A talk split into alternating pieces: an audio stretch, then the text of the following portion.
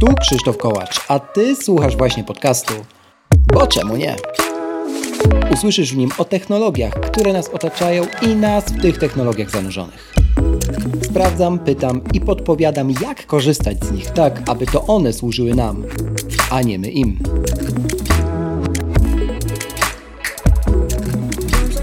W dzisiejszym odcinku 12-calowy iPad Pro, dwa monitory i Final Cut Pro?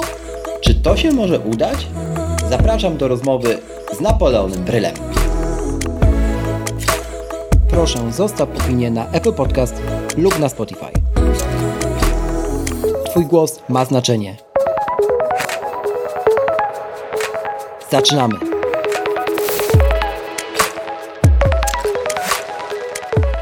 Dwa siedem dziewięć jeden z ostatnich odcinków w tym sezonie e, podcastu, tak wakacyjnie, temat wraca iPada Pro 12, którego mam możliwość używać od dłuższego już czasu. Tak jak Wam obiecałem, temat Final Cut Pro e, dla iPadOS oraz Logic Pro dla tego systemu poruszę osobno i właśnie ten dzień nadszedł dzisiaj, a moim i Waszym gościem jest dobrze znany tym, którzy są dłużej z tym podcastem, Napoleon Bryl, który zaraz nam jeszcze raz przypomni, czym się na co dzień w życiu zajmuje. Dzień dobry, Napoleonie.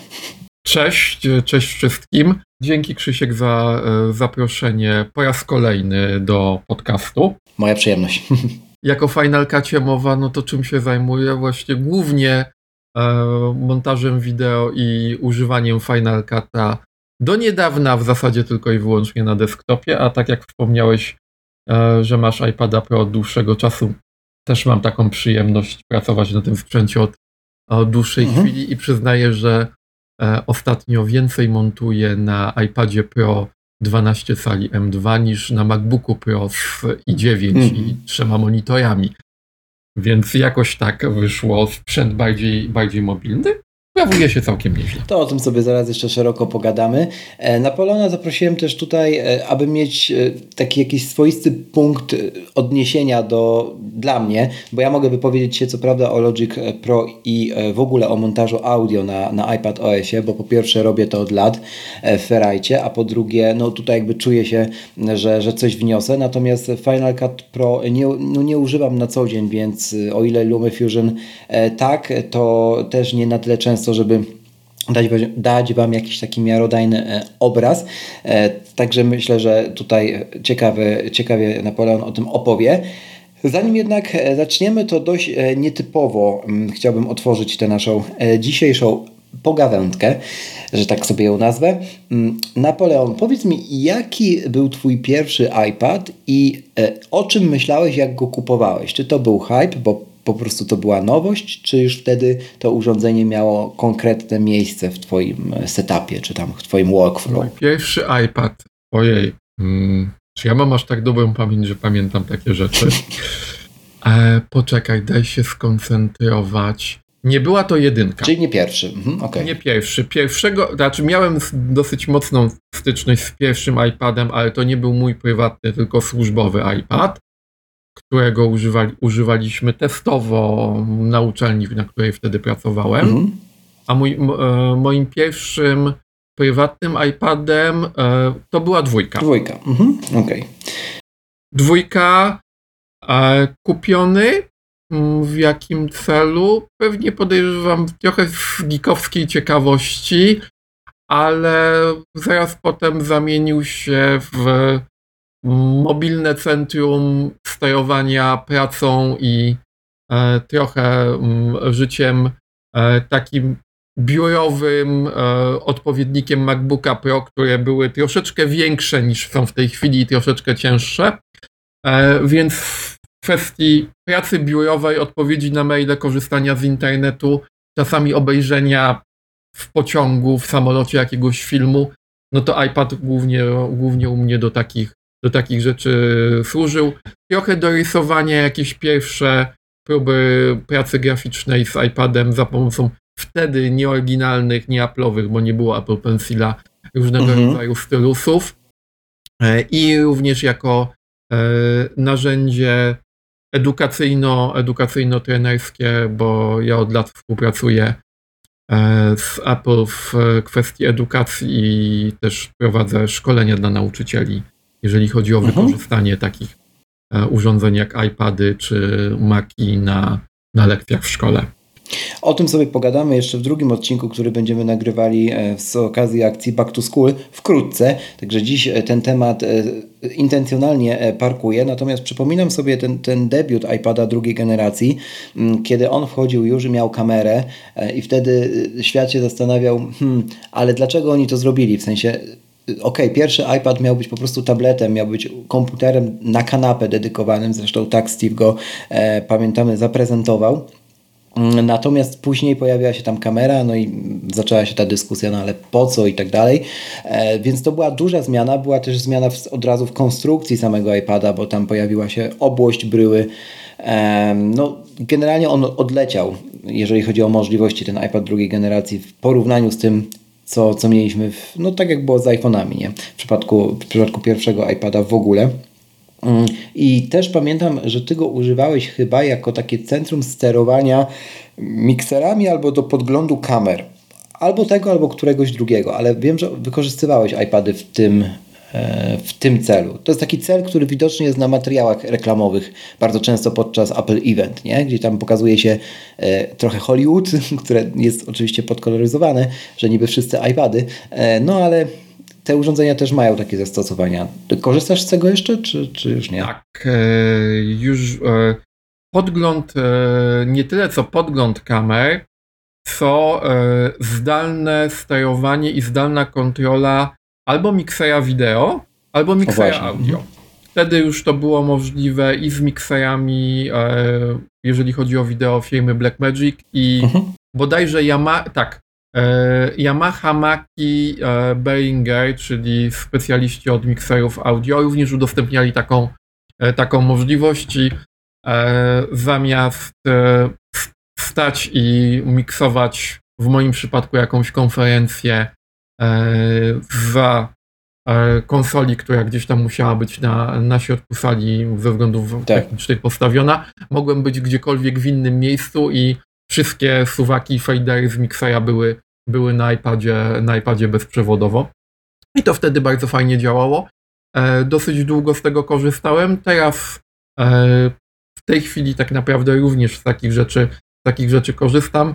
Cały czas mam e, mikser audio firmy Maki, który nie ma fizycznego interfejsu, jeżeli chodzi o wszystkie przełączniki, suwaki, fadery i tym podobne sprzęty, tylko ma mhm. wejścia, wejścia do podłączania sprzętu, podłączenie do, podłączenie do Wi-Fi i cała, mm, całe sterowanie mikserem odbywa się z iPada. Mhm. No właśnie, i to jest takie znamienne, że jakby ten sprzęt znalazł od razu takie swoje miejsce, w taką niszę jakby, no właśnie w, w, szeroko rozumianej postprodukcji, nie? czy to audio, czy to, czy to wideo, jest w niej obecny rzeczywiście do dziś. Ja znam osoby, które e, korzystają z iPada jako domowego promptera. Są aplikacje też, które gdyby prawdopodobnie nie pojawił się iPad e, nie, niejako namaszczony przez Apple, nigdy by nie powstały, ani nikt by nie wpadł na to, że można aplikacją mobilną działającą dosyć prostym trybie odwróconego obrazu z wykorzystaniem zwykłej, zwykłego kawałka lustra. E, można zrobić pełnoprawny prompter. Tak się jednak stało i to większe studia nawet wykorzystują iPady w tym celu. Po pierwsze jest to tańsze niż profesjonalne e, promptery, po drugie o wiele bardziej plastyczne, bo dzięki temu, że jest to aplikacja mobilna, można ją sterować też z innego urządzenia, czy z klawiatury zewnętrznej i tak dalej, i tak dalej, więc no ciekawe te zastosowania iPada się przez lata pojawiły tutaj nam. Oczywiście ten aspekt edukacyjny, no to jest znowu jeszcze kolejna, kolejna z, z, tych, z tych gałęzi. E, I jak sobie tak patrzę na iPada, jak ja go dzisiaj używam, jako, no ja już to powtarzałem wiele razy w tym podcaście, jako podstawowego komputera mobilnego, to w życiu bym nie wpadł na to, jak on debiutował na rynku, że tak się stanie. Wszyscy wtedy wierzyli w, ten, w tę magię i, tam Apple Books, wtedy to się nazywało, czy iBooks, iBooks chyba. I, yy, i siedzenia i czytania książek na kanapie. Yy, bardzo szybko ta wizja odpłynęła gdzieś i jasne, jest to jakiś tam element iPadOS, ale na pewno nie pierwszoplanowy. Yy, no i mam od dłuższego czasu tego, tę dwunastkę Mm, z M2 i zdecydowanie powiem Ci, że mm, jestem pod nieustannym wrażeniem tego sprzętu i z tego co wiem, to Ty też. E, do tego stopnia, że mam wrażenie, że mimo wszystko trzymam jednak jakąś wersję Maca, a nie iPada. Być może jest to kwestia M2, być może form faktoru, bo nigdy nie miałem 12-calowego wcześniej iPada, e, ale no, no, rzadko myślę o tym jak o tablecie. Jak to jest u Ciebie? No dla mnie to nadal, nadal pozostaje tablet, e, ze względu na przede wszystkim system operacyjny, który jednak działa mhm. trochę inaczej niż ten, do którego jesteśmy przyzwyczajeni w dużych komputerach, nazwijmy to w ten sposób, bo iPad też jest komputerem w tym momencie i to takim całkiem szybkim i sprawnym. Tak. Więc ten system działa inaczej, można na nim zrobić bardzo dużo i w zasadzie w tym momencie prawie to samo z jakimiś tam ograniczeniami, co się robi na dużym komputerze na, w macOSie, jednak wymaga to troszeczkę innego podejścia i innego sposobu pracy. I e, to powoduje, że dla mnie to jest cały czas, e, cały czas tablet. Mając w tym momencie dwunastkę e, z M2, e, mam jedynie taki delikatny kłopot z tym, że on jest fizycznie rzeczywiście duży. I on tak. wcześniej używałem iPada Pro 10,5 cala, tej dosyć, dosyć, dosyć starej wersji, zresztą do tej pory tutaj gdzieś obok mnie na biurku leży. 2015 rok. E, tak. 2015, a nie 17. 17. Tak. 17 to był? 17. 10? A tak, bo y, w 15 był y, pierwszy iPad 9-calowy Pro, to masz rację. Mhm. Tak, tak, tak. Ten 10, no, no, no. 10 i 10,5 2017 Aha. nadal tu gdzieś tu obok, tak jak wspomniałem, leży. I ta dwunastka w porównaniu z nim jest fizycznie duża i do tego się troszeczkę przyzwyczajam, że to nie jest taka cienka, lekka płytka, którą biorę do ręki, tylko on jednak mhm. jest, no właśnie go w tej chwili odpiąłem od, od klawiatury, jednak jest, e, jest dosyć dużym urządzeniem i ciężkim. Ma to swoje zalety. Pencil i możliwość porysowania trzymając, trzymając go w ręku, e, czy poprawienia jakiegoś projektu w Photoshopie, w Illustratorze, bo to są też te programy, z których e, ja w tej chwili na tym iPadzie korzystam. Jest to duży ekran i się wygodnie to robi i urządzenie dzięki temu, że jest trochę e, cięższe, ja mam wrażenie, że jest po prostu stabilnie. Mhm. W, przy pracy w jednej ręce iPad, w drugiej, e, w drugiej pencil, nie potrzebuje żadnej podpórki. Do tego jest to całkiem, e, całkiem wygodne. Z, dru w drugi, z drugiej strony, jeżeli, tak jak wspomniałeś, o kanapie chcę obejrzeć film, czy e, przejrzeć sobie spokojnie, mm, spokojnie jak, jakiś internet pod gdzieś wieczorem, to to się z kolei robi kłopot, to urządzenie się robi za duże. Tak, ono się nie robi już kanapowe, nie? I no jakby tak, tutaj jest... nie ma mowy o tym pierwszym takim sznycie, nie? No, tak, tak. Dokładnie, tak. więc tutaj cały czas e, się zastanawiam, czy ta dwunastka e, będzie docelowo dla mnie właściwym mhm. wyborem, czy nie pójść w, e, w wersję mniejszą, mniejszą 11, ale tutaj może, myślę, że można powoli przechodzić do głównego naszego tematu spotkania, czyli tak Final Cut Pro. 12-calowy ekran z tymi parametrami, jakie, jakie 12, 12 daje, jest świetny do pracy w Final Cutie. Boję się, że ta 11 będzie za mała, bo tutaj chwilę mi zajęło przyzwyczajenie się i tak naprawdę cały czas jestem w procesie tego przyzwyczajania do interfejsu Final Cut'a na iPadzie i do tego, że mam przed sobą 12 cali a nie 2 razy 27 e, przy którym pracuję, przy którym pracuję na co dzień. Więc zmniejszenie tego do 11 zastanawiam się, czy z kolei nie będzie już niekomfortowe. Ty zastanawiasz się pod kątem profesjonalnych zastosowań, czyli Final Cut'a właśnie, zaraz to jeszcze rozwiniemy, czy jednostka nie będzie za mała.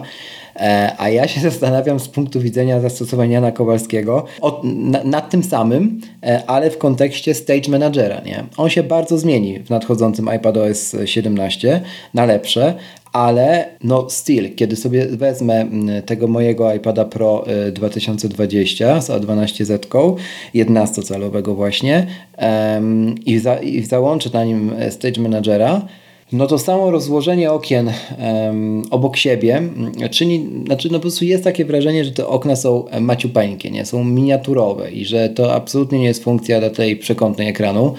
I źle się tego używa. Na 12 jest absolutna magia i zwłaszcza w trybie współpracy z Studio Display, ten Stage Manager i w ogóle ten tryb y, pracy iPad, ja już nie mówiłem od tego w poprzednim odcinku, to zaraz jeszcze rozwinę, to dla mnie to jest w ogóle nowy świat, nie? To jest bajka, zwłaszcza przy montażu w Ferrite gdzie mogę sobie na, na, na Studio Display wypuścić właśnie ścieżki audio i, i tak naprawdę czy używać e, MX Mastera, bo działa magiczne mm, to prze, przenikanie się jakby myszki, tak? Czy mogę, mogę go zresztą sparować z iPadOS-em, e, czy używając gładzika w tym Magic Keyboard, e, jakby mogę, mogę sobie ten montaż przenieść tak naprawdę do um, czegoś, co przypomina no, stacjonarnego Maca, nie? Oczywiście nie ma Ferrite'a na Maca, ale ale gdyby był, to pewnie tak by właśnie wyglądał. I to jest bajka. No, także z tym form faktorem też mam takie coś, że no jak, y, to jest klątwa tego, że my już doświadczyliśmy większej przekątnej i trochę już znamy ten świat i nieco inaczej spoglądamy tam,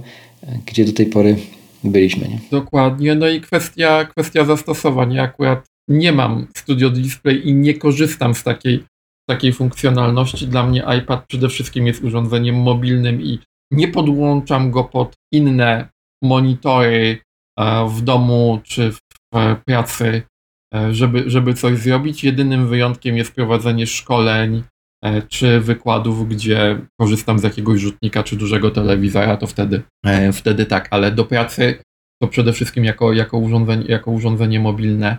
Albo tak jak wspominałem, to co zostało z początków iPada, odkąd ich używam, czyli praca biurowa i wszystkie administracyjne rzeczy, które, mhm. które muszę wykonać w pracy. Albo teraz, odkąd się pojawił, e, pojawił Final Cut Pro i Logic, no to praca w, przede wszystkim z obrazem, troszeczkę, e, troszeczkę z dźwiękiem na, e, na iPadzie. Więc to są dla mnie te rzeczy i w, tylko w trybie mobilnym. E, Stage Managera nie mam włączonego. Mhm. Jakoś się nie przy moim trybie mhm. pracy nie polubiliśmy. Będę pewnie jakieś następne podejście próbował zrobić, bo jak już mam podłączyć miałbym podłączyć iPada pod e, zewnętrzny monitor, to ja mam MacBooka Pro podłączonego pod dwa zewnętrzne monitory, więc dla mnie nie jest, e, nie jest to rozwiązanie. Szczególnie przy różnicach, tak jak wspomniałem wcześniej, między iOS-em e, czy iPad OS-em a Mac OS-em. Mhm. Jak praca stacjonarna to już komputer, a jak praca mobilna mhm. to iPad u mnie to w ten sposób. Wydaje mi się, że też mm, no, podłączając w obecnym e, etapie ewolucji Stage Managera mm, pod, pod ten zewnętrzne ekrany iPada, e, to tak naprawdę w Twoim przypadku to byś się męczył, nie? bo szukałbyś pewnych zastosowań, pewnych ruchów, pewnego, pewnych przejść czy kombinacji mm, na oknach znanych z macOSa i byś ich no, nie znajdywał. Nie? Także to w pełni rozumiem, więc, więc tak.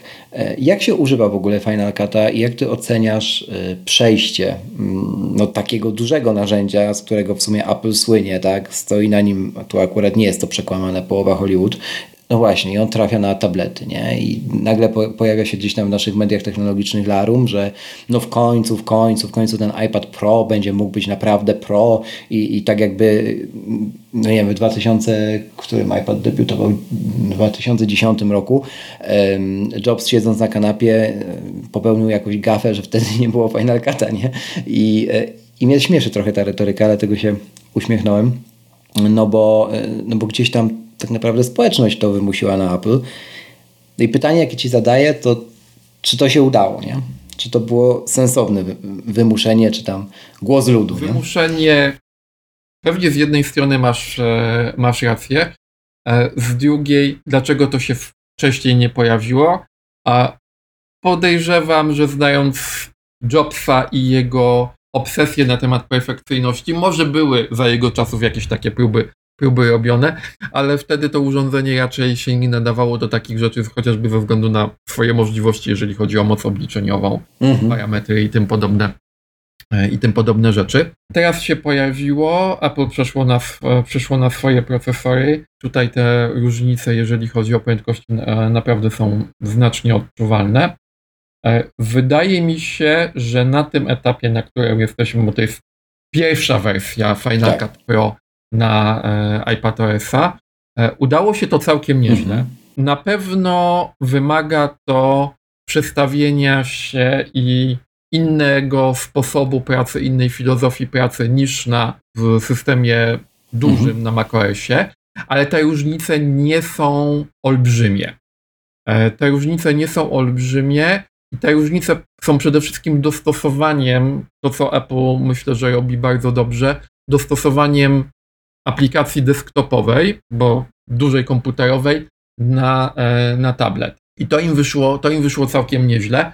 E, zostawili większość funkcjonalności kilku takich drobniejszych albo średnich fajne kacie na tym etapie, którym, na którym jesteśmy, mi brakuje i wydaje mi się, że to będzie po prostu rozwijane. To czego ci brakuje z takich rzeczy, y, wiesz, y, które by były łatwe do zrozumienia dla powiedzmy standardowego słuchacza tego podcastu, no nie? E, oprócz obsługi pluginów, bo to, to już w mediach mogliśmy tam przeczytać wszędzie, nie? Czego ci tam brakuje? Trochę lepszej e, pracy nad e, dźwiękiem na przykład. Okay. Wszystkie funkcje, z których korzystam dosyć często, które w desktopowym Final Cutie ponieważ nie jestem dźwiękowcem i nie zajmuję się stricte montowaniem, mhm. montowaniem dźwięku na swoje potrzeby, potrzebuję czasami na przykład wyczyścić ścieżkę dźwiękową z jakichś tam dodatkowych szumów, trzasków i tym podobnych rzeczy, czy wszystkich innych dźwięków tła. Mhm. W Final Cutie desktopowym jest to fajnie zautomatyzowane i można to zrobić potem sobie lekko poprawiając to, co zrobił automat. E, nie ma tego w Final Cutie na iPadOSie. I e, to był Ostatnio na przykład montowałem materiał z, z konferencji z wielu źródeł i kamer, i mikrofonów, i rezultat był taki, że multicama, który na iPadzie mimo 12 calów ekranu z trzech kamer e, dużych udało mi się bardzo ładnie zmontować. Tak projekt musiał wylądować w dużym w dużym Final Cutie, żeby dobrze zmontować i wyczyścić dźwięk. I teraz, żebyśmy dobrze jeszcze raz to powiedzieli, kiedy rozpoczniesz montaż na Final Cutie na iPadOS, on może wylądować na macOS, czy ta droga jest niedostępna? Może wylądować na macOS. Nie jest to mhm. prosta droga, ale jest to do zrobienia. Okej, okay. a w drugą stronę? E, w drugą stronę nie. Okay, czyli w drugą stronę e, nie, nie może być. Okej, okay, no właśnie, bo to też było duże larum podniesione, że mm, e, dlaczego tak jest. Taka odpowiedź przynajmniej zachodnich podcasterów na, na ten największy zarzut po premierze mobilnej wersji Final Cut'a jest taka, że przeznaczeniem na ten moment tego, tej aplikacji przeznaczenie jej jakby jest właśnie praca w terenie, tak? Czyli jadę gdzieś realizować jakiś materiał z ekipą, y, tak, w teren, potrzebuję coś na szybko zmontować albo wysłać setkę na wieczór do wydania wieczornego. Oczywiście patrzymy tutaj przez perspektywę Ameryki głównie. O, no, no więc jest to idealny wręcz ekosystem, idealne połączenie hardware'u i software'u, żeby, żeby wypełnić jakby te, te nisze, no i mocy obliczeniowej, o co M2 już mówiliśmy. Mm, no, więc takie jest tłumaczenie. Do końca mnie to ono nie przekonuje i ja myślę, że z czasem w obydwie strony będzie ta, e, ta współpraca działała. Nawet być może zobaczymy jakąś, jakiś, jakąś namiastkę kolaboracji w końcu z tego w innych aplikacjach dla twórców Apple słynie. No ale nie teraz, nie? Tak jak ty mówisz, to jest dopiero pierwsza wersja Niedawno był update, ale dodał właściwie głównie skróty klawiaturowe, e, nic poza tym. E, tak, i myślę, że tu mamy do czynienia z podobną sytuacją, jaką mieliśmy hmm, kilkanaście lat temu, bo to już jest kilkanaście lat, o ile mnie pamięć nie myli, kiedy Apple zrezygnowało z, e, z Final Cut Pro 7 mhm, e, tak. i Final Cut Studio 3. I zabiło wszystko. Cały zestaw, tak, tak, tak. cały zestaw i powstał tak naprawdę nowy program Final Cut Pro 10. Mhm. Tam był e, mocny refaktoring robiony wtedy, refaktor całości, ale e, nikt go nie zrozumiał. Nie? W sensie nikt nie wiedział, że tam był już taki makaron, że trzeba to było zrobić, tylko po prostu świat się obraził tak na dwa lata na Apple. Świat twórców oczywiście. Ale tak, w świat montażystów i twórców treści filmowych i wideo, tak. I ten pierwszy Final Cut Pro 10 był e, rzeczywiście programem okrojonym. Złośliwi mówili, że to jest takie iMovie na sterydach. Tak, tak, tak. I ta mhm. jego pierwsza wersja, no powiedzmy, też może, byłbym w stanie tak to, tak to określić. Ja sam zajęło mi chyba jakieś dwa lata przejście z e, Final Cut Studio ostatniej wersji na Final Cut Pro 10. Dwa albo trzy lata przechodziłem z projektami, z przyzwyczajeniami i uczeniem, i uczeniem się programu. E, w tej chwili podejrzewam, że do tej ostatniej wersji Final Cut'a 7 w Final Cut Studio nie byłbym w stanie wrócić. Mam, mhm. przyznaję się, pewnie jakieś bardzo, bardzo stare projekty, które gdzieś tam na jakichś dyskach zarchiwizowane leżą i na szczęście nie muszę, nie muszę do nich wracać. I ten program się rozwijał stopniowo. Dosyć szybko pojawiały się nowe funkcjonalności, które mhm. dla twórców częściowo było powrotem i przeniesieniem funkcjonalności, którą znali z, ze starej e, edycji programu, tylko pod inną, tylko pod inną postacią. I to też chwilę, i to też chwilę zajęło, tak by na 2-3 lata twórcy się obrazili, potem, e, potem, przeszli, potem przeszli spokojnie do właśnie Final Cut'a 10. Teraz się pojawił Final Cut na iPadOS-a i myślę, że tu będziemy mieli do czynienia z podobnym, z podobnym procesem. Teraz tak. mamy już wystarczające narzędzie, tak jak wspomniałeś, do zmontowania czegoś na szybko, e, do zrobienia setki i wysłania do studia mm, centrali, stawmy dowolną. Dokładnie. E, dowol, dowolną nazwę, e, ale wydaje mi się też, że tutaj celem mm, trochę może wymuszonym bardziej niż przez pytających się ciągle użytkowników, ale po prostu przez rynek, kwestia tego, że przechodzimy do tego trybu mobilnego. Coraz więcej treści, tak naprawdę większość treści, która w tym momencie powstaje, to są treści, które są do internetu publikowane. To prawda. To są twórcy, którzy nagrywają iPhone'em albo jakąś niewielką kamerą mhm. i potrzebują to szybko zmontować i wrzucić na e, dowolną platformę social mediową, która przyjmuje materiały wideo. Teraz już mamy tego, e, tego bardzo dużo. I tu chodzi o jakość tego montażu, łatwość tego montażu i szybkość tego montażu. Ja widzę na przykład to w kontekście rolek. Jeżeli my mówimy teraz, a spotyka się taką retorykę znowu, że Final Cut Pro na iPad OS to jest iMovie e, Pro tak naprawdę i okej, okay, niech ono nawet w tej pierwszej wersji będzie e, czymś takim. To i tak jest łatwiejsze niż LumaFusion, który używałem, bardziej intuicyjne, nie ma miniaturowych ikonek, które przypominają Windowsa 95 i nie trzeba mieć kursu z filmowania, żeby wiedzieć, co tam zrobić w, tym, w tej aplikacji, bo to jest aplikacja od Apple. Jeżeli nazwiemy sobie ją iMovie Pro, niech będzie, nazwiemy Final Cut Pro, niech będzie.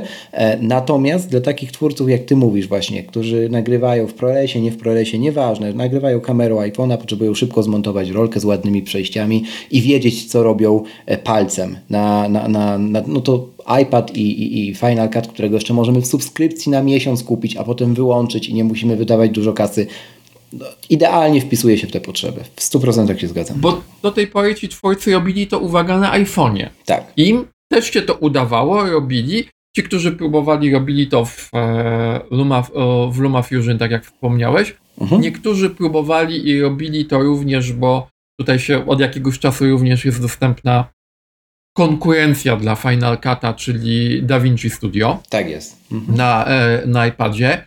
E, mam również ten program. E, używam DaVinci na komputerze.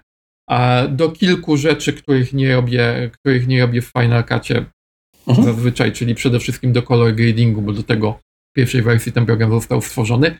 Wersji na, wersji na iPadzie nie potrafię używać, bo to jest e, to, z czego słynie Apple. Apple z aplikacji desktopowej zrobił aplikację dostosowaną do iPada i do jego interfejsu i tak jak powiedziałeś, do montażu palcem, ewentualnie pensilem. Dokładnie. A to, co mhm. zrobiło Davin, Blackmagic z DaVinci, przeniosło w 70% interfejs aplikacji desktopowej tak na iPada.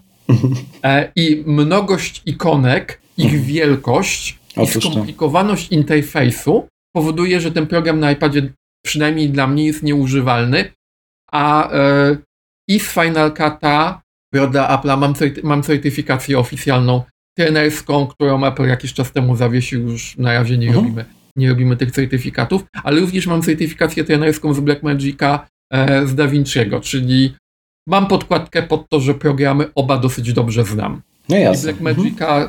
tak jak na komputerze używam, tak na iPadzie kupiłem, użyłem dwa razy, stwierdziłem, ok, jak będę w bardzo dużej potrzebie, to mhm. spróbuję. Na razie sobie, na razie sobie leży i to, co potrzebuję w tym momencie troszeczkę dla testu i przyzwyczajenia się, montuję w Final Cutie, w Final Cutie na iPadzie, tak jak wspomniałem, czasami z jakimiś rzeczami wracam do desktopowego. Wspomniałeś o, e, to tutaj tak zahaczę, o ProResie, to mogę powiedzieć, że to jest ta rzecz, która mnie e, zaskoczyła. Jak mówiłem wcześniej, montowałem nie może dynamiczny materiał, bo w jakiejś tam konferencji, ale nakręcony trzema, trzema, trzema kamerami mhm. E, w ProResie w 4K. Multicama z tego robiłem, wrzuciłem to na, iPadzie, na iPada i zmontowałem z tego multicama bez żadnego problemu. iPad sobie radził z zmianą, pracą, wszystko było płynne, działało idealnie. Z doświadczenia wiem, że jakbym wrzucił to na swojego MacBooka, a uwaga, używam jeszcze MacBooka Pro z Intelem i9, e, to mój komputer by się zagotował. No to to, ale bym słyszał wiatraki. iPad się zrobił troszeczkę ciepło. i9 to jest przecież jedna z najwyższych topowych konfiguracji, jaką ty brałeś. E, no oczywiście inny świat, bo świat Intela, ale e, no właśnie, iPad nawet nie wyda dźwięku, bo nie ma tych wentylatorów i to, tego samego nie zrobi MacBook R. I, i, i tak, jak, tak jak ty właśnie tutaj pięknie nam ten obraz narysowałeś z punktu widzenia e, jakby profesjonalisty, no to, to jest dyskusja, która jakby znowu wraca, nie? Czy tworząc treści na YouTube'a, nawet zakładając, że na nim zarabiam, ja potrzebuję, czy jakiś twórca potrzebuje, tak? Od razu kupować Maca e, Studio w najwyższej konfiguracji, czy nie wystarczy mu, a takich twórców znam, e, właśnie MacBook e, R z, z M2 i znowu się utwierdzam w przekonaniu, że 80% tych twórców spokojnie M2 wystarcza. Nie? I to jest niesamowite, że mamy teraz taki świat, że ten sam procesor włożony w różne form faktory nadal wykonuje równie dobrze robotę, która była niewykonywalna parę lat temu, nie parę parę lat temu, bo ta twoja i dziewiątka to, to nie ma 15 lat.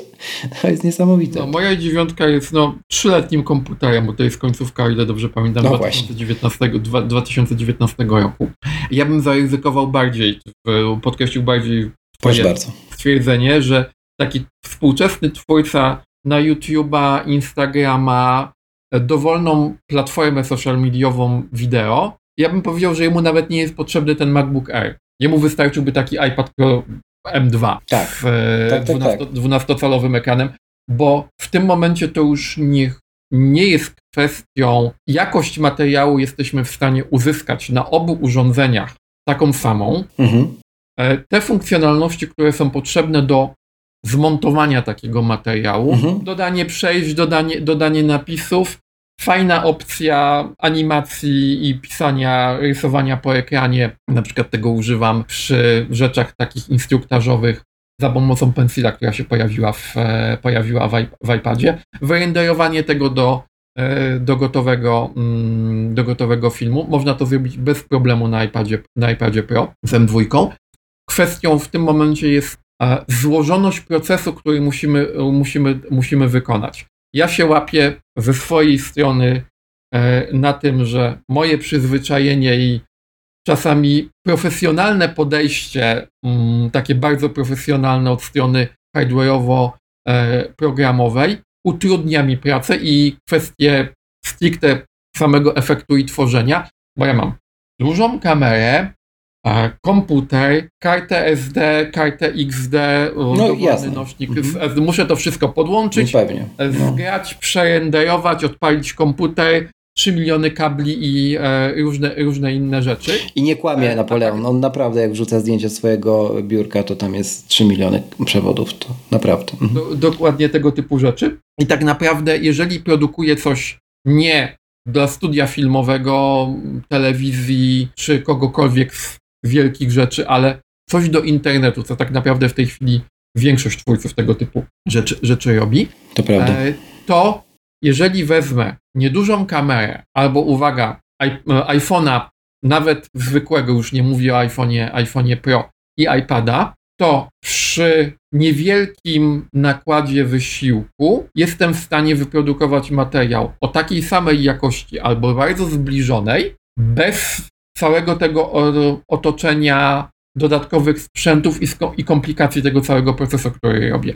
Bo ja iPhone'em nakręcę materiał wideo, mogę go nakręcić w płaskim profilu, nie ma żadnego no problemu w tej mhm. chwili. w tej chwili są, są takie możliwości. Wrzucam, ten, ten materiał ląduje już nawet bezprzewodowo w iCloudzie czy na dowolnej innej chmurze automatycznie. E, odpalam iPada, ściągam ten materiał, montuję. Albo przerzucasz sobie airdropem między jednym a Albo, drugim. przerzucam, albo, przerzu- albo No. przerzucam sobie airdropem. w, w, wkrótce będzie to można do, dokończyć po LTE, jak sobie nagle będziesz musiał pójść z miejsca e, kręcenia. No w ogóle magic, nie? Dokładnie, biorę, e, biorę pensila, coś, coś dorysowuję, dodaję dwa przejścia, napisy, e, mogę jakiś voice-over do Tak. tego dodatkowo, dodatkowo nagrać, wypuszczam.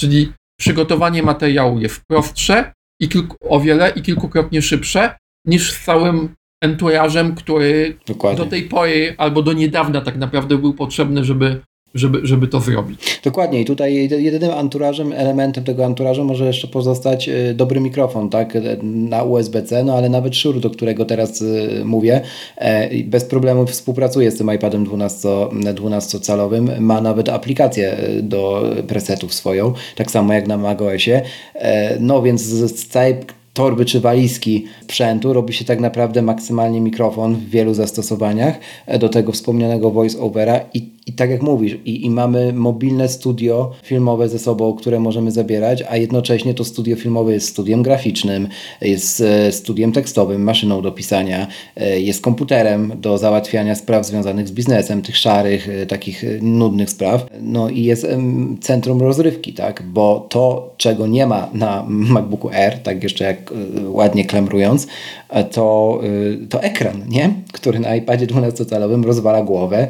E, No i tutaj się z Tobą zgadzam, że być może taki sprzęt będzie lepszym wyborem, no faktycznie. Tak, i tutaj jeszcze e, jedna rzecz kończąca e, Mhm. ten wątek. Obserwuję troszeczkę twórców i, a bardziej tak naprawdę dziennikarzy um, w, w, w, róż, w różnych mediach. I uwaga, e, taka nieduża stacja telewizyjna, która się nazywa BBC, E, Nie duża, to E, nikt ma- może nie znać, no. Taka nie- wiadomo. No. tak. E, ma swój program, e, którego w tej chwili nie pamiętam dokładnej nazwy, ale. No bo jest nieduża stacja, to dlatego. Tak. Mm, e, Mobile journalism to się nazywa, z jakimś tam roz, rozwinięciem. I w tej chwili e, i kilka osób, które się takim e, tym działem zajmują. I e, miałem okazję wymienić kilka wiadomości z panem, który robi szkolenia dla reporterów BBC No proszę. używania, uwaga, iPhone'a, tak jak wspomniałeś, zewnętrznych mikrofonów, bo to jest to, Mhm. czego w tej chwili w, może nie brakuje, ale co trzeba dołożyć do takiego sprzętu. No jasne. E, I e, rezultat jest taki, że reporter BBC ostatnio jadący gdzieś na Bliski Wschód wrzucał do internetu e, na swoim koncie na Twitterze, e, dwa, wrzucił dwa zdjęcia.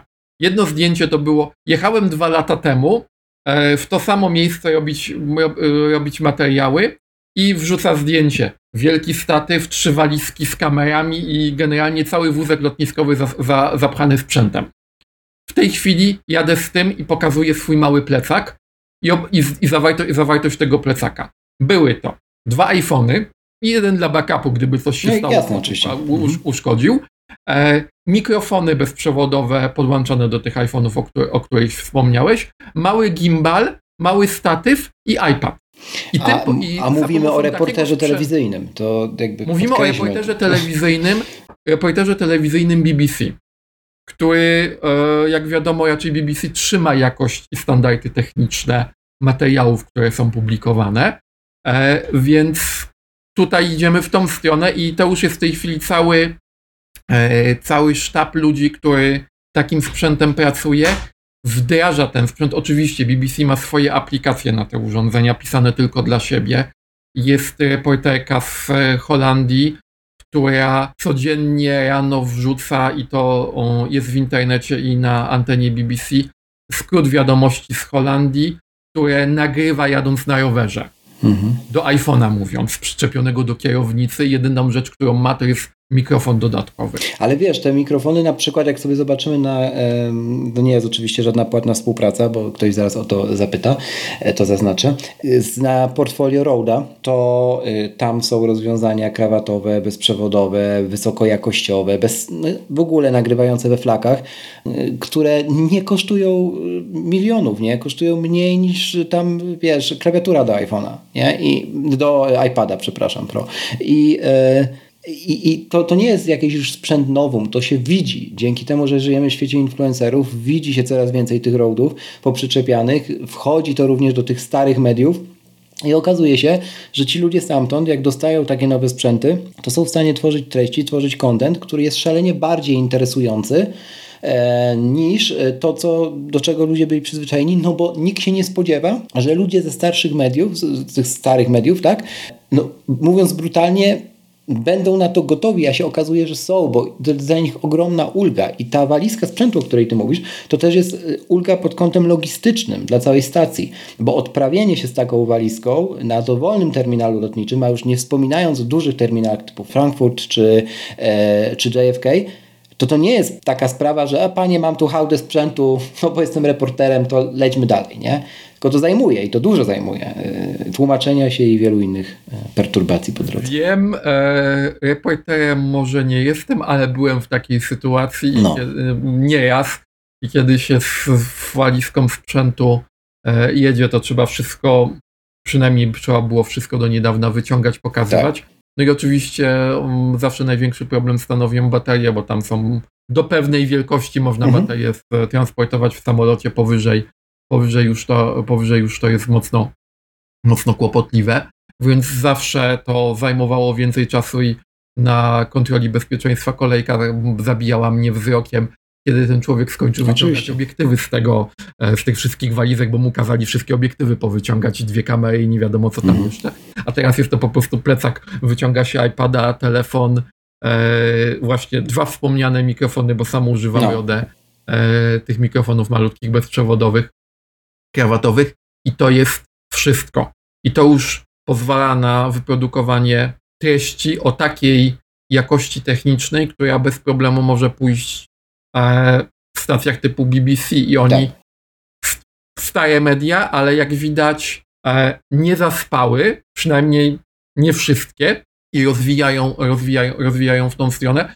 I to też jest, e, jak wspomniałeś, logistyczne, ale umówmy się, to też jest kwestia kosztów. Oczywiście. Tak. Profesjonalna tak. kamera reporterska mm, odpowiedni, o odpowiednich parametrach do niedawna, to nadal kosztuje swoje i za taką kamerę można kupić 5 iPhone'ów. To jest raz, a dwa, że te, te iPhony można wziąć w leasingu, te iPhony można wynająć, te iPhony można wymienić po roku, e, nie przejmując się, mm, przypuszczam, dla klientów takich jak stacje BBC niczym. No i, i jeszcze wiesz, i jeszcze gdzieś, e, gdzieś jest to dodatkowo telefon, jakby się no, nie uprzeć, no bo tak jest i te wszystkie rzeczy, które wymieniłem wcześniej, więc y, no. Dokładnie, jak ktoś takiemu reporterowi taki telefon ukradnie albo go rozbije i nawet łącznie z tym zapasowym będąc tak. gdzieś, to pójdzie do pierwszego lepszego sklepu, który sprzedaje iPhony i kupi po prostu następny. Dokładnie. Sklepy z profesjonalnymi kamerami są trudniej dostępne. To tak jak z rowerami, nie? Były czasy w covid to na taką elektronikę właśnie wysoko wyspecjalizowaną, to z Igorem Podgórskim, jak nagrywałem, później rozmawiałem, bo byłem też na jego szkoleniu, to sobie gadaliśmy w kuluarach, że w czasach takiego ostrego covid gdzie te łańcuchy dostaw stanęły, to dostanie czegoś e, takiego, no, co jest po prostu kamerą typu e, właśnie RED albo coś w tym stylu, to się czekało po pół roku bo po prostu to nigdzie nie pływało, nie? Czy, no wiesz, to... I to nikt nie powiedział, że to się znowu nie wydarzy kiedyś, nie? Więc no, bezpieczniej, zdecydowanie. Myślę sobie tak jeszcze e, o, tym, o tej mocy obliczeniowej, to bym chciał jeszcze tego dotknąć, bo mówisz, że widzisz ten skok ogromny. Jak ty oceniasz na przykład w kontekście takiego najprostszego benchmarku, który jest widoczny wszędzie w internecie, jak się zobaczy, zwłaszcza na YouTubie, czyli prędkość eksportu gotowego materiału, nie? E, przypuszczam, że z tej i dziewiątki to może lecieć w minutach e, różnicy, więc powiedz trochę jeszcze o tym e, szerzej, no bo jednak widać tą przewagę mm, krzemu Apple'owego. Nie? Widać y, i to jest jedna z tych rzeczy, dla, te, dla których ja ostatnio nawet oprócz treningu, to co normalnie bym zmontował na komputerze, proste rzeczy, montuję na iPadzie, bo wiem, że on, jej, że on to szybciej wyeksportuje. Okej. Okay. No tak. No. I, dziew I dziewiątka 32 giga RAMu, 4 terabajty szybkiego dysku SSD, mhm. tak? Więc e, a iPad, iPad, iPad zrobi to szybciej i to są bardzo odczuwalne rzeczy, e, jeżeli chodzi o prędkość samego, samego renderu i zapisu, e, zapisu wideo i też podglądu, mm, podglądu tego materiału, tego materiału na bieżąco. Tutaj w zasadzie nie ma żadnych, żadnych problemów. Tak jak wcześniej wspominałem, materiał 4K nagrany w ProResie w multicamie, którego sam podgląd i przerzucanie się pomiędzy kamerami wymaga jednak e, dosyć, dosyć znacznej możliwości, jeżeli chodzi o sam sprzęt.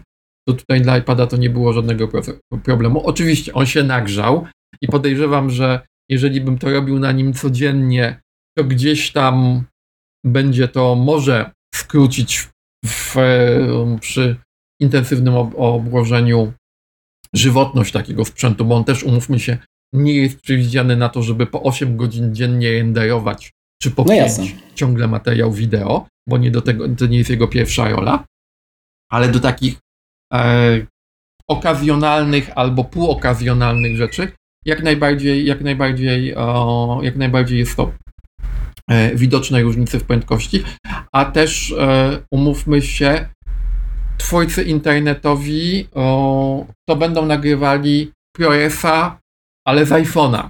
No tak, tak, tak, oczywiście. E, mhm. A nie będą wkładali ProResa e, nagranego 3.1 czy jasne, tak. Sony FX6, mhm. FX3. E, wstawmy dowolną dużą kamerę, bo tu jednak też będzie różnica pomiędzy ProResem i ProResem. Ten ProRes iPhone'owy, bo to też testowałem, to już jest w ogóle żaden kłopot dla, e, urządzenia typu iPad Pro M2. Mhm.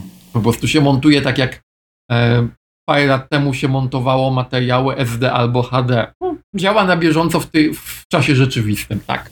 Tutaj też e, o baterii warto wspomnieć, bo nie wiem jak Twoje odczucia, ale no dla mnie ta bateria w M2, ona jest oczywiście fizycznie większa e, w tym 12-calowym iPadzie, natomiast przy takich hardkorowych zastosowaniach i używaniu Magic Keyboard, który jednak no, bierze energię z baterii, tejże baterii, nie ma przecież swojego zasilania bateryjnego, z włączonym podświetleniem tej klawiatury na najmniejszy możliwy, widoczny dla oka level, e, bo ona jest zdecydowanie za silna, jeżeli jak się uda na maksa, jeżeli chodzi o jej podświetlenie, przynajmniej dla mnie, mm, to on jest w stanie trzymać nie krócej niż, niż, niż mniejsza wersja tego iPada, na której, no nie wiem, robi się tyle co nic, nie?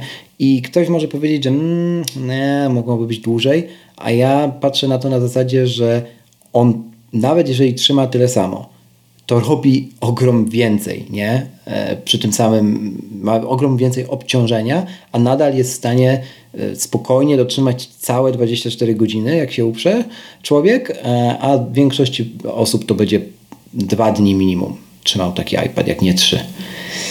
Także takie obserwacje moje. Przy moim używaniu, no to jest półtora dnia, to jest takie maksimum. No.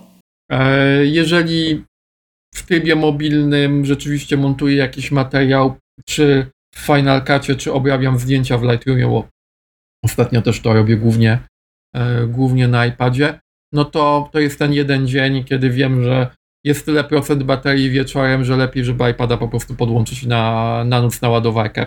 Mhm. To nie stanowi i tak żadnego, e, żadnego problemu.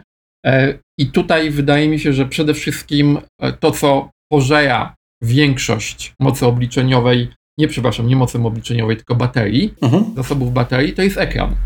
No tak, e, oczywiście, on jest adaptacyjny i no, dokładnie. Wielkość tego ekranu, e, jakość tego ekranu, podświetlenie. Tak. E, ja mam włączone w Lightroomie, ponieważ jest to gdzieś tam wymagane, nie wygaszaj iPada jak używam Lightrooma, bo on sobie synchronizuje te z chmurą, z chmurą rzeczy, jeżeli się to wygasi, no to ta synchronizacja się się automatycznie zatrzymuje.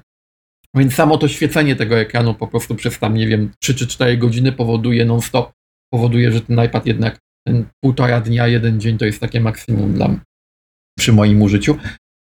Ale tak jak wspomniałeś, dla osoby, która będzie mniej z takich funkcji korzystała, to będą dwa dni, E, I nadal, nawet jeżeli to jest jeden, jed, jeden dzień, że o 7 biorę urządzenie o godzinie rano, o godzinie 22 do 23 podpinam je pod ładowarkę, mhm. to nadal jest to tyle no, czasu, że dokładnie. zapominam o kabelku i ładowarce, a nawet gdyby to ta kabelek i ładowarka do iPada, no to jest wielkości ładowarki do, do, do telefonu, więc czy to mam w plecaku, czy tego Dokładnie. nie mam w plecaku, nie robi to, żad, nie robi to mi żadnej różnicy.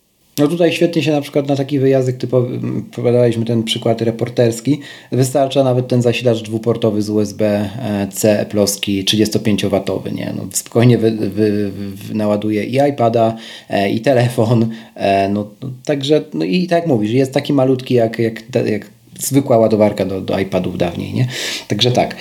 E, co to miałem jeszcze na koniec Ciebie zapytać? Wiem, mm, a propos, e, a propos rysika, czy Ty e, możesz mi powiedzieć, dla kogo jest taka funkcja, że rysik w tej dwunastce naszej mm, działa lekko nad ekranem?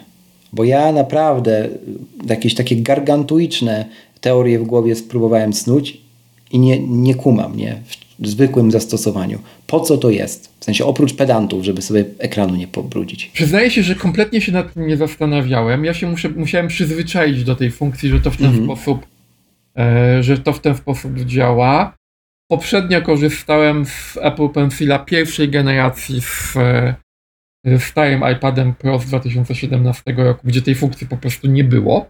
Działa, Czasami jest troszeczkę irytujące, e, że to, że to działa w ten sposób, ale jest, ani mi przeszkadza, ani mi jest do czegoś potrzebne. Mhm, no właśnie. Więc no dokładnie. E, podejrzewam, Mam że tak to samo. właśnie tak jak wspomniałeś, dla tych pedantów, którzy nie chcą e, sobie pobrudzić, pobrudzić czy dotykać, czy dotykać ekranu. Wydaje mi się, że, że po to Albo czegoś nie wiemy, Napoleon. Może się dowiemy w iOS 18. Nigdy, nigdy Może nie mów nigdy. Może się dowiemy w iOS 18 albo w, w jakiejś tam kolejnej iteracji iOS 17. Ja mimo dostępu do BET, BET mhm. nie mam w tym momencie na żadnym urządzeniu, mam jedno nawet, czy tam dwa testowe e, zainstalowane, zainstalowanego, zainstalowanej bety nowego iOS-a bo nie miałem takiej potrzeby. No I też przyznaję, nie miałem ostatnio czasu kompletnie się tym zajmować. Inne rzeczy, e, inne rzeczy były, e, mnie zajmowały, więc nie śledziłem dokładnie wszystkich nowości i funkcjonalności, a mam zasadę, że na sprzęcie produkcyjnym, a w tym momencie ten iPad 12 czy iPhone 14 to są moje sprzęty produkcyjne, nie instaluję bety. Bo zawsze może coś nie działać, i się okaże w najbardziej nieprzewidywalnym momencie, że nie działa, a jest potrzebne. E, więc e, nie śledziłem, nie śledziłem tego dokładnie. A jeszcze bym, e, o, bo wspomnieliśmy o tych reporterskich rzeczach, no. powiedział o jednej rzeczy. W tej chwili jestem w trakcie projektu fotograficznego, którego jeżdżę po różnych miastach w Polsce i robię fotoreportaże. I moim o. całym studiem fotograficznym e, jest iPad Pro. E, wszystkie zdjęcia, które, które w projekcie powstaną, są zrzucane do iPada, backupowane na iPadzie i e, do chmury i obrabiane na, obrabiane na iPadzie. I nie będą prawdopodobnie oczywiście w Lightroomie lądują, i, ale nie będą z tego iPada wychodziły gdzieś dalej, w sensie nie będę ich już raczej poprawiał na dużym e, macOSie i w, duży, w dużym Lightroomie. Wszystko się zamyka, zamyka w tym e, mobilnym czyli studio dla, czy dla dziennikarza e, telewizyjnego, czy dla foto, fotoreportera, to w tym momencie może być właśnie niewielki aparat fotograficzny plus iPad i więcej nie potrzeba. Jestem w stanie, wracając ostatnio pociągiem przez półtorej godziny, przejrzeć wszystkie zdjęcia, które zrobiłem, dokonać pierwszej selekcji, zaznaczyć zdjęcia, zdjęcia do obróbki. Teraz, ponieważ się na nie napatrzyłem przez ostatnie dwa dni, robię sobie przerwę, wrócę do e, tej części, żeby jeszcze jedną selekcję zrobić za kilka, za kilka dni i to wszystko robię na iPadzie, e, a zdjęcia będą drukowane przynajmniej do formatu 50 na 70 m na 70 mhm. E, i ja przyzwyczajony do dużych ekranów, robię to na 12-calowym iPadzie, bo jakość tego ekranu mi na to pozwala. No, piękne, piękne czasy i myślę, że właśnie z tego odcinka wybrzmiało, dla kogo jest to sprzęt, nawet nie, nie będziemy już próbowali podsumowywać, bo samo się przez się chyba właśnie tutaj nam pięknie ułożyło.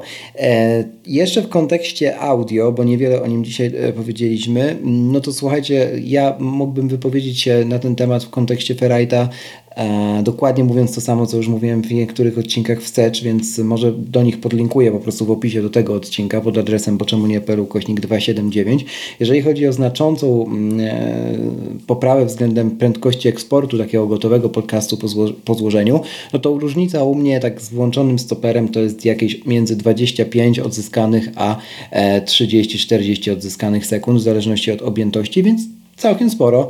E, natomiast no nie jest to też e, dla osoby, która się tylko jakby takim czymś zajmuje, jakiś taki killer feature, że jakby wracam czasami do mojego 12, 12Z, tak? czyli iPada Pro z 2020 roku.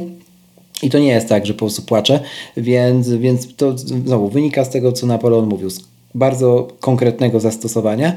No natomiast jeżeli chodzi o ekrany, to rzeczywiście no, nie ma nawet podjazdu, tutaj nie ma o czym gadać i taka lista życzeń, to ostatni punkt na dzisiaj, e, moja do, do przyszłości iPadów jest taka, że ja bym chciał zobaczyć w małym formfaktorze, czyli właśnie 11-calowej przekątnej, o ekran z dwunastki i, i czy tam będzie M2, M3, tam, nieważne, nie? W sensie i tak wiem, że to będzie kolejny iPad, e, właśnie z Magic Keyboard. Swoją drogą ten Magic Keyboard też chciałbym, żeby ewoluował. Dostał klawisze funkcyjne i nie ważył więcej niż sam iPad. W tym momencie to jest jakiś kuriozum, mówiąc zupełnie wprost. E, ten, jakby klawiatura z iPadem, to już mówiłem, tym 12-calowym waży więcej niż mój MacBook 14-calowy. Umówmy się. E, a jaka jest jakby Twoja lista życzeń, e, Napoleon, do iPadów w przyszłości jako profesjonalista? Moja lista życzeń do iPadów. Zacznę od tego, czym Ty skończyłeś. Tak, no. klawiatura Magic Keyboard. Mam z nią e, skomplikowany związek. O, tak myślałem, że powiesz, że to skomplikowane. No. skomplikowany związek, bo z jednej strony jest bardzo wygodna i fajnie się na niej pisze. Mhm. To prawda. E, tak. W tej chwili nawet patrząc, przyłożyłem sobie e, obok e, klawiaturę tą bez Touch ID, ale ostatnią mhm. Apple'ową, z której korzystam bezprzewodową na, na co dzień. To rozstaw klawiszy pomiędzy jest taki sam i nie mam problemu z przestawianiem się klawiatura komputera, klawiatura iPada. Właśnie dzięki temu. Tak. Dzięki tak. temu. Z drugiej strony, przez to, że jest ten ładzik, przez to, że nie daje się jej odwrócić tak jak tej poprzedniej klawiatury, żeby zawinąć ją z, z tyłu. Tak. Jest to strasznie niewygodne. Ja tego iPada po prostu bardzo często wypinam z, z klawiatury i korzystam po prostu bez, bez, bez, bez klawiatury, bo ona jest za duża i za ciężka. Mhm. W porównaniu do, do samego urządzenia. Jest jakąś taką formę, żeby coś rzeczywiście z tym, e, z tym zrobić, to jest chyba jedno życzenie, bo jednak fizyczna klawiatura, do, jeżeli się cokolwiek więcej chce napisać, jest bardzo, e, bardzo przydatna. Co jeszcze? No, wspomniany Final Cut. Rozwój Final Cut'a, żeby szedł przynajmniej w tym samym tempie Final Cut'a na iPada OS-a, co szedł na Mac OS-a, mhm. albo troszeczkę szybciej, bo to też chwilę zajęło i wolałbym 3 lata się do programu nie przyzwyczajać, tylko Zapewne. E, tylko, trochę, mhm. tylko trochę szybciej. Ekran, tak, to co jest w 12, żeby z takimi parametrami znalazło się, się w 11, albo żeby ta 12 może była jednak, chociaż to będzie ciężkie do zrobienia, bo ta waga, jak mówiłem wcześniej, ma swoje, e, ma swoje zalety. No, ona już nie będzie lżejsza. To... Bardzo wątpię. Mm, bardzo wątpię. Nie, tu, no.